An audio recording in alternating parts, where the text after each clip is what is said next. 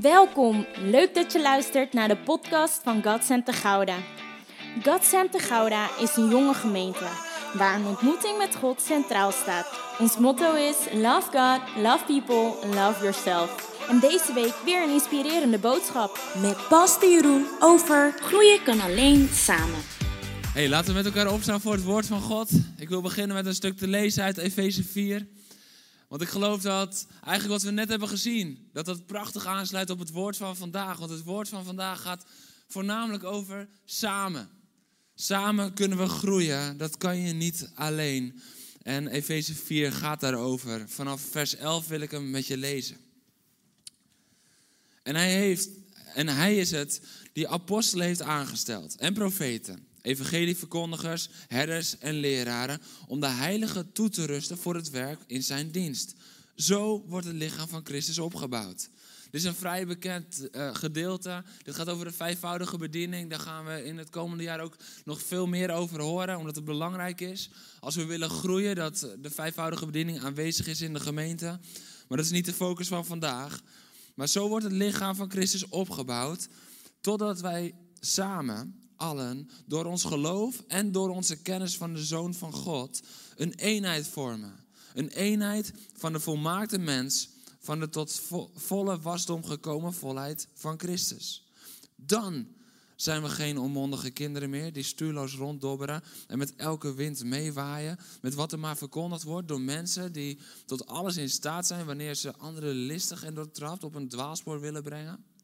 Dan zullen we door de waarheid te houden en elkaar lief te hebben, samen volledig toegroeien naar Hem die het hoofd is, Christus. Vanuit het hoofd krijgt het lichaam samenhang en het wordt ondersteund en bijeengehouden door alle gewrichtsbanden. Ieder deel draagt naar vermogen bij tot de groei van het lichaam, dat zo zichzelf opbouwt door de liefde. Ga lekker zitten.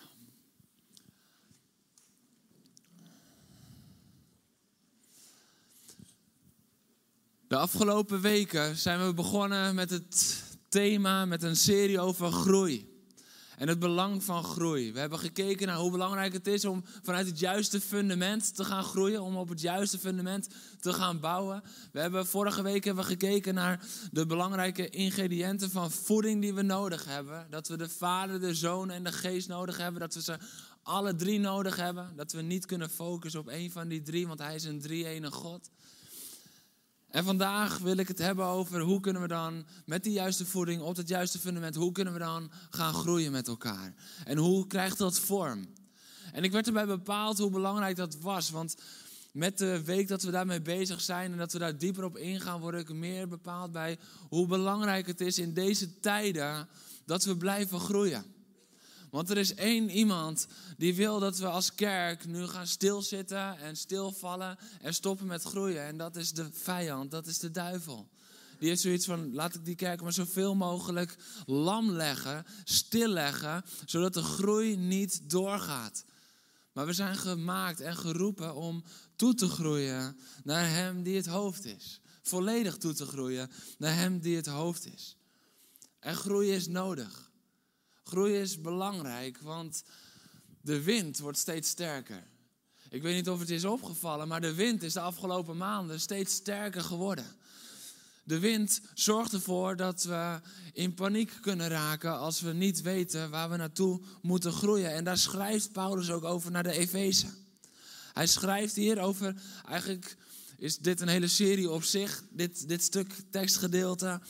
Want hij heeft het erover dat we moeten groeien in geloof groeien in kennis van de Zoon, zodat we groeien in eenheid. Daar hebben we al een driesprong te pakken, die eigenlijk al anderhalf uur preek waard is. Rustig maar, gaan we niet doen. Daar hebben we trainingen voor om zo lang te doen. Maar groeien in onze kennis van de Zoon, Jezus Christus. Groeien in ons geloof en dat werkt eenheid uit. Eenheid die volkomen is in Christus. En dan staat er dan zullen we geen onmondige kinderen zijn die stuurloos ronddobberen en met elke wind meewaaien. En ik heb de laatste maanden heb ik te veel broers en zussen gezien die stuurloos meedobberen met de wind die waait. Ik heb te veel gasten gezien die die als het ware stuurloos zijn geworden en maar met de wind meewaaien en niet in staat zijn om, om te kunnen sturen in de wind. En de afgelopen maanden hebben veel mensen in een bepaalde eenzaamheid gezeten. En konden we minder bij elkaar komen. En zelfs nu we bij elkaar komen, is het op gepaste afstand. Omdat het niet anders kan, omdat het goed is voor onze gezondheid. En dat waarderen we en dat, dat is goed voor nu. Maar ik heb zoveel daarin gezien. En zeker in die eerste maanden. Zeker in die eerste maanden dat we niet konden samenkomen, heb ik zo ontzettend veel gezien dat gasten op YouTube alles maar gingen aannemen. Wist je dat YouTube een van de grootste winden is die er zijn? Want op YouTube kan je alles zetten. Wij doen het ook als kerk en dat is binnen de veiligheid van de gemeente. En we worden gecoverd door een andere gemeente. En dat is dan binnen een bepaalde veiligheid. Maar ontzettend veel gasten die zetten maar gewoon alles op YouTube uit een een of andere naam. En die worden niet gecoverd door een kerk. Die doen dat niet vanuit een gemeente. Die doen dat niet vanuit het lichaam van Christus. Maar die roepen wel van alles over het lichaam van Christus. En we denken, het staat op YouTube, dus het zal wel waar zijn. Vroeger was het pas waar als het in een wetenschappelijk tijdschrift stond iets. Maar nu is het, als het op nu.nl staat, is het al waar. De wind waait waar die heen wil. En degene met de grootste mond heeft het grootste bereik. En kan waaien waarheen die wilt. En ik zie zoveel, en vooral jongeren zie ik daar zo in vallen. Dat ze denken van ja, dit, dit is gezegd, dus het zal wel waar zijn. En voor we het weten, zitten we in een wind die ons heel ergens anders naartoe waait. Die ongegrond en ongecontroleerd is. Want wind is op zich niet verkeerd. Maar ben jij klaar om met de wind om te gaan? Weet je, ik ben opgegroeid in een Aalsmeer. En Aalsmeer heeft de Westeinde Plassen. En dat zijn een van de grootste binnenlandse plassen hier in Nederland. En ik bevond me eigenlijk altijd de hele zomer op het water. En we lagen of op de plas of op een bootje, een motorbootje. En ehm, je had dan altijd zeilschooltjes. En dat was altijd leuk om te kijken, want dan lag je lekker vanuit je handdoek, een beetje te bakken in de zon en een beetje een boekje te lezen, lekker te chillen. En dan zag je die gasten ploeteren. Dan zag je die gastjes ploeteren. Want dat waren dan van die, van die kleine bootjes met die oranje zeiltjes. Want ze moesten goed herkenbaar zijn. En wat je dan altijd zag is aan het begin van de zomer was het het leukst. Want dan begonnen de lessen net. En als je het dan hebt over gewoon gaan waar de wind je heen blaast, dat gebeurde dan. En, en, en de instructeurs die moesten onder havenklap moesten ze weer naar zo'n gassie toe. En dan moesten ze weer even aan boord om, om te helpen. Want ze dreven gewoon af met de wind.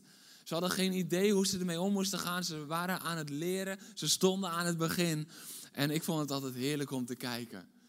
Want het zag eruit als een ongeorganiseerd zootje. Die instructeurs die zweten zich rot van het harde werk dat ze moesten doen. Want iedereen vaarde maar een beetje met de wind mee. Maar gedurende de zomer, en dit is iets wat je elke zomer zag, werd dat steeds minder. En begonnen ze in groepjes zich te manoeuvreren door de wind. Nou heb ik één vraag voor je. Konden zij de wind veranderen? Nee. Maar ze leerden gebruik maken van de wind. Ze wisten hoe ze met de wind moesten omgaan. Weet je, de wind in jouw leven, die zal niet zo snel veranderen. Maar jij kan veranderen, waardoor je leert om te gaan met de wind die er in je leven is. En op het moment dat we dat gaan leren, dan kwam ik erachter van, wacht eens even. Ik dacht altijd, als een zeilbootje tegenwind heeft, ja, dan gaat hij gewoon de andere kant op. En dan kan hij er niet tegenin.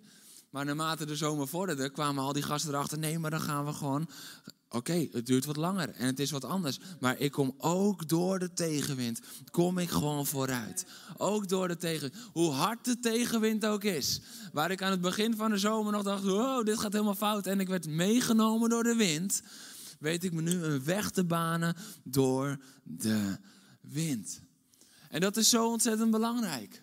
Dat we krachtig worden om door die wind heen te kunnen. Ons niet te laten meeslepen, maar bestendig te zijn om de wind te pakken en niet door de wind gepakt te worden. Dat is een ongelooflijk groot verschil. En hoe gebeurt dat dan? Door die eenheid. Doordat we samen groeien in ons geloof, in onze kennis van God en in eenheid. Want wat staat er zo mooi? Er staat, Paulus werkt toe naar die eenheid. de eenheid van de volmaakte mens die tot volle wasdom komt in de volheid van Christus. En dan zijn we geen onmondige mensen meer die zich met de wind mee laten slepen. Dan. Dat is een gevolg van die eenheid. Waarom? Door die eenheid kunnen we samen optrekken en worden we sterker dan de wind, kunnen we de wind gaan gebruiken. En dan komt er twee keer het woordje, na die eenheid, komt er twee keer het woordje dan.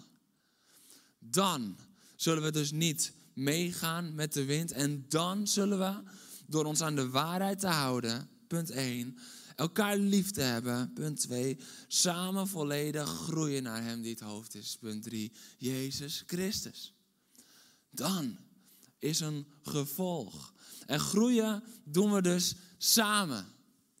Alleen maar samen. Je bent niet gemaakt om alleen te groeien. Nee, groeien doen we samen. En iedereen zegt: Amen. Goed zo. Want amen betekent zo is het. Zo is het. En het is goed om dat te bevestigen, want we zijn zo vaak zijn we gericht op nee, ik groei zelf wel. Ik doe het wel op eigen houtje. Maar samen groeien we. En dan geeft Paulus dus ook nog drie handvaten over hoe we dat doen. Dan zullen we, door ons aan de waarheid te houden, punt 1, elkaar lief te hebben, punt 2, samen volledig groeien naar Hem die het hoofd is, Christus, punt 3. En de eerste is samen aan de waarheid houden. En wat ik hier zo mooi in vind is, hier spreekt Paulus niet over de waarheid kennen, maar ons aan de waarheid houden. Dat is de volgende stap. Wij denken altijd van ja, we moeten de waarheid leren kennen. Ja, dat is punt 1. Maar punt 2 is, ga je eraan houden? Want wat heb je aan de waarheid als je er niet aan houdt? De waarheid maakt je vrij, maar als je er niet aan houdt, dan ontneem je jezelf die vrijheid alweer heel erg snel. Je weet dat alcohol onder de 18 niet mag en dat het schadelijk is voor je hersenen. Dat is de waarheid. Maar hou je je eraan? Als jij op je veertiende met twee biertjes in je hand staat, wetend dat het schadelijk is, dan ken je de waarheid, maar je houdt je er niet aan. En zal daarin de vrucht niet voor jou zijn. Je weet dat de navigatie, dat Google Maps, de snelste route heeft uitgestippeld voor jou, rekening heeft gehouden met bepaalde obstakels, obstructies, bepaalde files. Je weet het, het is de waarheid, maar hou je je eraan? Ik heb regelmatig met Petra samen in de auto gezeten. Dat we zeiden, nee, nee die andere weg die voelt toch wel sneller. Herkenbaar hè? Het voelt sneller. De waarheid voelt niet altijd waar, maar is waar. Maar soms voelt het anders. En het is de waarheid, maar houd je je eraan. En je weet wat de Bijbel zegt over een bepaald verzet in jouw leven. Je weet dat het de waarheid is, maar houd je eraan. En de waarheid, wat is dan de waarheid? De waarheid is een persoon.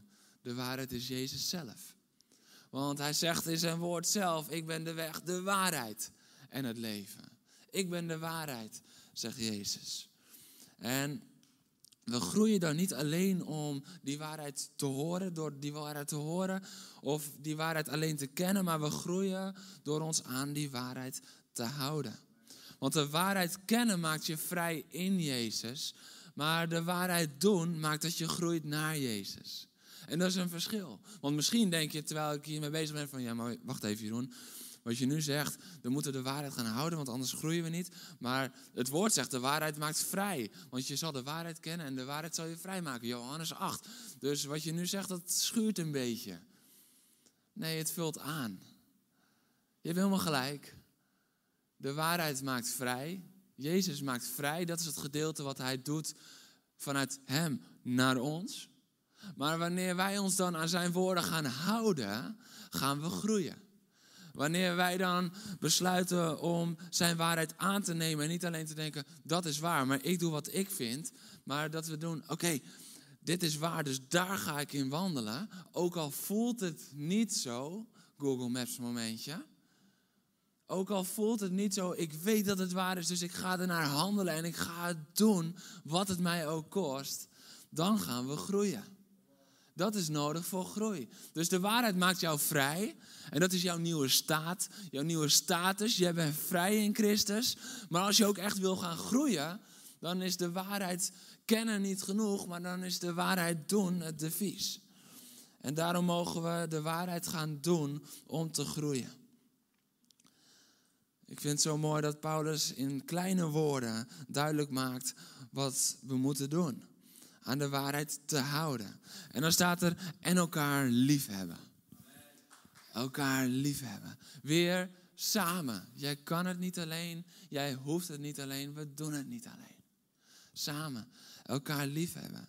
En ik was daarmee bezig en ergens in mijn achterhoofd had ik de, ergens een keer de kennis opgeslagen dat ik een keer een wetenschappelijk stuk had gelezen waaruit blijkt dat de hersenen door liefde groeien. En ik dacht, dat moet ik terugzoeken. En ik kwam weer op dat artikel. En ik wil het gewoon kort even voorlezen. Wist je dat de liefde die jij je baby geeft, een directe relatie heeft met de meetbare grootte van de hersenen van de baby? Recent onderzoek heeft laten zien dat baby's die veel aandacht en liefde van hun ouders krijgen, daadwerkelijk een groter hippocampus tot gevolg heeft. Soms tot wel 10% groter. 10% groter. Dat is mega. De hippocampus is het gedeelte in de hersenen dat verantwoordelijk is voor onder andere het leren en het opslaan van informatie. En daarnaast heeft het nog een functie, het reguleert de manier waarop wij omgaan met stress. Dit is alles wat het doet. En hoe beter het is ontwikkeld, hoe beter wij dus met om, uh, kunnen omgaan met stress. Kortom, al die liefde, knuffels, kusjes en aandacht die je baby geeft, is echte breinpower. Dat is wat er staat. Dat is wat er wetenschappelijk bewezen is. En ik was daarmee bezig en ik wilde de vertaalslag maken naar de kerk. En ik kwam erachter, de stabiliteit van de kerk van Christus hangt af van de liefde voor elkaar. Hoe meer wij elkaar lief hebben, hoe meer wij die liefde ook laten blijken. En niet alleen zeggen, God zegen u broeder, God zegen u zuster. En we blijven op afstand. Nee, maar als we echt lief hebben, dan wordt de kerk stabiel. En dan gaat de kerk groeien. Niet alleen in aantal, maar ook in diepte. Niet alleen in aantal, maar naar Christus toe. Zoals Efeze 4 zegt. Want dan groeien we samen volledig naar Hem die het hoofd is, naar Christus. Daarvoor hebben we nodig om de waarheid te doen en elkaar lief te hebben. Elkaar lief te hebben. Je hebt liefde nodig om te groeien. En de liefde waar Paulus hierover schrijft, is hetzelfde woord als de liefde die Jezus aan het kruis hield voor jou en voor mij. Dat is de agape-liefde. Weet je, je hoort vaak ook in de kerk, van ja, je kan niet met iedereen bevriend zijn. Wie heeft dat wel eens gehoord? Je, hebt, je kan niet met iedereen bevriend zijn, dat is ook helemaal niet erg. Niet veel mensen hebben dat gehoord of durven hun hand niet op te steken omdat ze dat gewoon doodeng vinden. Ik pak je er niet uit. Ik roep je echt niet naar voren. Je kan gewoon eerlijk zijn. Het is veilig hier. En dat is waar. Je hoeft niet met iedereen vrienden te zijn. Want dat is filio liefde. En filioliefde is wat anders dan agape-liefde. We krijgen hier een lesje Grieks. Filio-liefde is gewoon vriendschappelijke liefde. En dat kan je niet met iedereen. Je hebt niet met iedereen dezelfde klik, dezelfde interesses, afgezien van dat we geïnteresseerd zijn in de Heer Jezus. Dus dat gedeelte is niet erg. Maar Paulus roept wel op van, oké, die videoliefde, die vriendschap, die hoef je niet met iedereen te hebben. Geen probleem. Maar die agape-liefde, die veel dieper gaat, zelfopofferende liefde, liefde die zichzelf geeft voor de ander, die is bestemd voor iedereen. Ben je bereid om je leven te geven voor diegene die je niet zo goed kent hier in de gemeente? Ben je bereid om jezelf neer te leggen voor degene waar je nog helemaal niet zo'n band mee hebt? Maar hij is deel van het lichaam van Christus. Zij is deel van het lichaam van Christus. Dus zij is deel van jou. En die agape-liefde is dus ook bestemd voor haar of voor hem vanuit jou. Elkaar liefhebben. En dat gaat niet over even de koffie aangeven op zondag, maar dat gaat over het echt samenleven. Echt samenleven zoals de eerste gemeente deed. Opofferend. Weet je wat ik zo mooi vind? Daarin gaf iedereen alles op om volledig met elkaar te leven, voor elkaar te leven en dat samen te doen, samen te groeien naar die ene, naar Christus. Samen, in liefde, jezelf opofferend, zoals de eerste gemeente. En ik roep je niet op om allemaal je huis nu te verkopen en hier in dit gebouw te gaan wonen. Dat zou super chill zijn, dan kunnen we weer knuffelen. We wonen allemaal bij elkaar, we zijn één huis. Oké, nou ja. Um, hersenspinsel. Uh, dat roep ik je niet op, maar de bereidheid om jezelf te geven aan de ander. En dat zit dan niet in de uiting, maar dat zit in het hart. Dat zit niet in, in hoe we doen, maar of we het doen wat we ervaren vanuit God. Dat zit in of we doen waartoe Hij ons roept. Dat zit in of we kijken naar degene die hulp nodig heeft.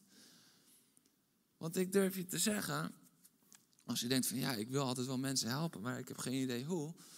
Nou, kijk maar eens goed om je heen. Er zijn hier genoeg mensen die genoeg hulp kunnen gebruiken. Want dat is gewoon de verhouding in elke familie. Ik heb nog nooit een familie ontdekt waar niemand hulp nodig heeft. Elke familie heeft mensen die hulp nodig hebben. En dat maakt diegene niet minder of minder belangrijk of moeilijker of uh, hulpbehoevend ten opzichte van. Nee, dat is familie zijn met elkaar. En over 15 jaar heb jij misschien hulp nodig. En ben jij dankbaar als iemand naar jou omkijkt. En dan niet alleen vanuit de filioliefde van oké, heb ik een vriendschap met jou? Ja, oké, nou dan sta ik voor je klaar. Nee, maar met de agape-liefde. hey, zijn we verbonden in Christus? Ja, oké, top, ik sta voor je klaar. En sterker nog, de agape-liefde van Jezus, die gaat verder als de gemeente alleen. De agape-liefde van Jezus hield hem aan het kruis voordat jij ja zei tegen hem. Dat is liefde. Weet je, de Bijbel leert dat wij vijanden waren van God. Voordat we Jezus aannamen. Waarom? Omdat wij in zonde wandelden en niet heilig waren. We waren vijanden voor God. Maar door zijn kruisdood zijn wij weer zijn vrienden geworden. Maar Jezus gaf niet zijn leven pas voor jou op het moment dat je zijn vriend was geworden. Nee, hij gaf zijn leven voor jou zodat je zijn vriend kon worden. Ben jij bereid om je leven te geven voor je buurman, je buurvrouw, dat familielid, die vriend, die vriendin, die nog niks met Jezus heeft, zodat die deel kan worden van het lichaam van Christus? Ben je bereid om dat te geven nog voordat iemand het accepteert? Ben je bereid om jezelf helemaal te geven, terwijl diegene je misschien nog steeds afwijst? Want dat is wat Jezus deed. Hij wist dat mensen hem zouden afwijzen. Hij wist dat mensen zouden zeggen, die Jezus, daar moet ik niks van hebben. Maar toch ging hij voor ze aan het kruis. Hij ging voor jou aan het kruis. Hij ging voor mij aan het kruis. Hij ging voor een ieder die ja zou zeggen tegen hem aan het kruis. Maar hij ging aan het kruis ook voor degene die nee zou zeggen. Want redding is beschikbaar voor iedereen. Redding is beschikbaar voor iedereen. Dat is liefde. Dat is de liefde waar Paulus hierover schrijft. Dat is elkaar echt lief hebben. Dan zullen we door de waarheid te houden en elkaar lief te hebben. Dat zijn de twee ingrediënten. Samen volledig groeien naar Hem die het hoofd is. Christus. Samen volledig groeien naar Christus. Weet je, ik ben erachter gekomen. Alleen kan je een eind komen. Maar alleen samen kan je tot het eind komen. Het is hier heel duidelijk. Er staat hier één woord. Samen volledig. Volledig. Volledig kan je niet alleen. Hoef je ook niet alleen te kunnen. Nee, wij zijn gemaakt voor samen. God werkt vanaf het begin van de wereld, werkt hij al door samen. Allereerst, de hele schepping gebeurt samen met zijn geest en met zijn zoon, het woord. Ze werken samen. En dan zien we dat Adam wordt gemaakt en hij is alleen en God ziet dat het niet goed is en hij maakt samen. En Abraham werd alleen geroepen, maar hij maakte een volk uit. Samen. Elia had Elisa, David had Jonathan, Jona had zijn vis. Het is altijd samen. Ja, het is altijd samen. Zonder die vis was Jona dood. Jona had zijn vis, jongens. Zelfs Jezus had zijn discipelen. God die zijn heerlijkheid aflegt. Die als mens naar de aarde komt, had samen nodig. Wij zijn gemaakt voor samen. Apostelen reisden nooit alleen. En dat vind ik zo mooi. Het eerste leven hier op aarde. Adam en Eva, dat werd samen, dat werd een huwelijk. Na het eerste leven wat we krijgen na Christus' opstanding, is de geboorte van de kerk, is weer samen. God heeft twee instituten ingesteld: het huwelijk en de kerk. En allebei wijst op samen. Je kan het niet alleen. En als we willen toegroeien, volledig naar Christus, en niet genoegen nemen met van oké, we doen het een beetje. Ik wil wel op hem lijken, maar kijk maar even hoe de dag begint. En dan zie ik het wel, hoe ik op hem lijk vandaag. Nee, als we volledig naar het hoofd willen toegroeien, dan gebeurt dat alleen maar samen. Zegt Efeze 4. En het is misschien een beetje confronterend, maar het is pure hoogmoed om te denken dat je het alleen kan. Want niemand kan het alleen. En je doet jezelf ook tekort, want je legt jezelf een druk op die niet voor jou bestemd is. Want God vraagt het ook niet van jou om het alleen te doen. Alleen vaak zijn we, hebben we pijn, hebben we teleurstelling, hebben we verdriet door ervaringen met andere mensen, waardoor we denken we doen het wel alleen. Maar het is samen. Jezus' laatste gebed, voordat hij die vreselijke martelgang gaat en aan het kruis zal sterven voor jou en voor mij. Wat bidt hij tot de Vader? Hij kon alles bidden. Hij kon alles bidden. Hij kon zijn hart uitstorten en zei: Vader, kunnen we het niet op een andere manier doen? Vader, zorg dat ik een soort een innerlijke verdoving heb, waardoor ik de pijn minder ervaar. Hij kon voor alles kiezen, maar hij zei: Nee, zodat zij één zijn zoals wij. Samen. Ik weet niet of je wel eens aan het sterfbed hebt gestaan van iemand. Maar aan het sterfbed komen de belangrijkste woorden naar buiten. Aan het sterfbed gaat het niet meer over koetjes en kalfjes, maar dan gaat het over de meest diepe essentie van het leven. Dan, ik heb zoveel verhalen gehoord over mensen die op een sterfbed beginnen, had ik maar. En dan gaat het niet over, had ik maar een keer een seizoenskaart voor Ajax gekocht. Nee, dan gaat het over de echt diepe dingen. Had ik maar meer tijd gespendeerd met mijn kinderen. Had ik mijn vrouw maar beter behandeld. Had ik maar klaargestaan voor mijn ouders. En het zijn altijd dingen die wijzen naar samen. Ik heb nog nooit iemand op zijn sterfbed horen zeggen... had ik maar meer geïnvesteerd in mijn bedrijf... zodat ik nu rijker was terwijl ik doodga en het niet mee kan nemen. Heb ik nog nooit gehoord. Het gaat altijd over samen. Had ik maar relatie gebouwd. Waarom? Wat de wereld jou ook wijs maakt. Jij bent gemaakt voor relatie. Jij bent gemaakt voor samen. Wij zijn ervoor gemaakt, we zijn ervoor ontworpen. Dat is ons original design. We kunnen niet zonder, maar we denken zonder te kunnen. Maar de waarheid is dat we niet kunnen, maar doen we ook de waarheid. Gaan we voor samen. Wat ik dan zo mooi vind is, ieder deel draagt daarin naar vermogen bij. Aan de groei van het lichaam. En dat vind ik zo mooi, want daarin werkt Paulus alweer het hart van God uit. We doen het samen, maar je hoeft niet naar de ander te kijken en te denken, dat moet ik ook kunnen. Weet je dat dat een van de grootste uh, valkuilen en vijanden is van samen? Dat we ons gaan vergelijken met de ander, minder waarde gaan voelen en besluiten het alleen te gaan doen? Want we denken, ja, maar diegene, die doet alles zo goed. Die kan altijd zoveel. Diegene, die, kan, die, die heeft zo'n succesvol bedrijf, die kan zoveel geven. Daar kan ik niet aan tippen. Weet je wat, ik geef wel niet. Of diegene heeft zoveel talenten, die zet ze zoveel in. Laat diegene maar. Ik blijf wel op de achtergrond. Vergelijking is een grote vijand van samen. Maar de Bijbel zegt, ieder gewoon naar zijn of haar vermogen. En dan gaat het om jouw 100%. Het gaat om jouw 100%. Er is geen algehele maatstaaf van hoeveel iedereen moet geven. Net als als we kijken naar financiën, dan vraagt God ook van iedereen een, een tiende, 10%. Waarom? Omdat dat voor iedereen verschillend is en voor iedereen hetzelfde. Hoe mooi is dat? En dat vraagt hij ook van jou. Hij vraagt jou 100% in jouw leven. Van jouw gaven, van jouw talenten, van jouw tijd, van jouw financiën. Hij vraagt alles van jou naar jouw 100%. Niet naar dat van die ander, want dat kan jij misschien wel helemaal niet. Alleen omdat je dan denkt dat je dat wel zou moeten kunnen, haak je af en voel je je schuldig richting God. Kruip je stilletjes terug omdat je je tekortgeschoten voelt. Maar dat is helemaal niet waar. Maar het gaat om wat is jouw 100% en draag jij bij naar wat jij kan brengen. En wat jij kan brengen is het mooiste wat het lichaam van jou kan ontvangen. Wat jij kan brengen is het mooiste wat het lichaam van Christus van jou kan ontvangen. En dat is meer dan genoeg. Weet je, we zingen altijd dat Hij is meer dan genoeg voor mij. Maar weet je dat God het ook over jou zingt?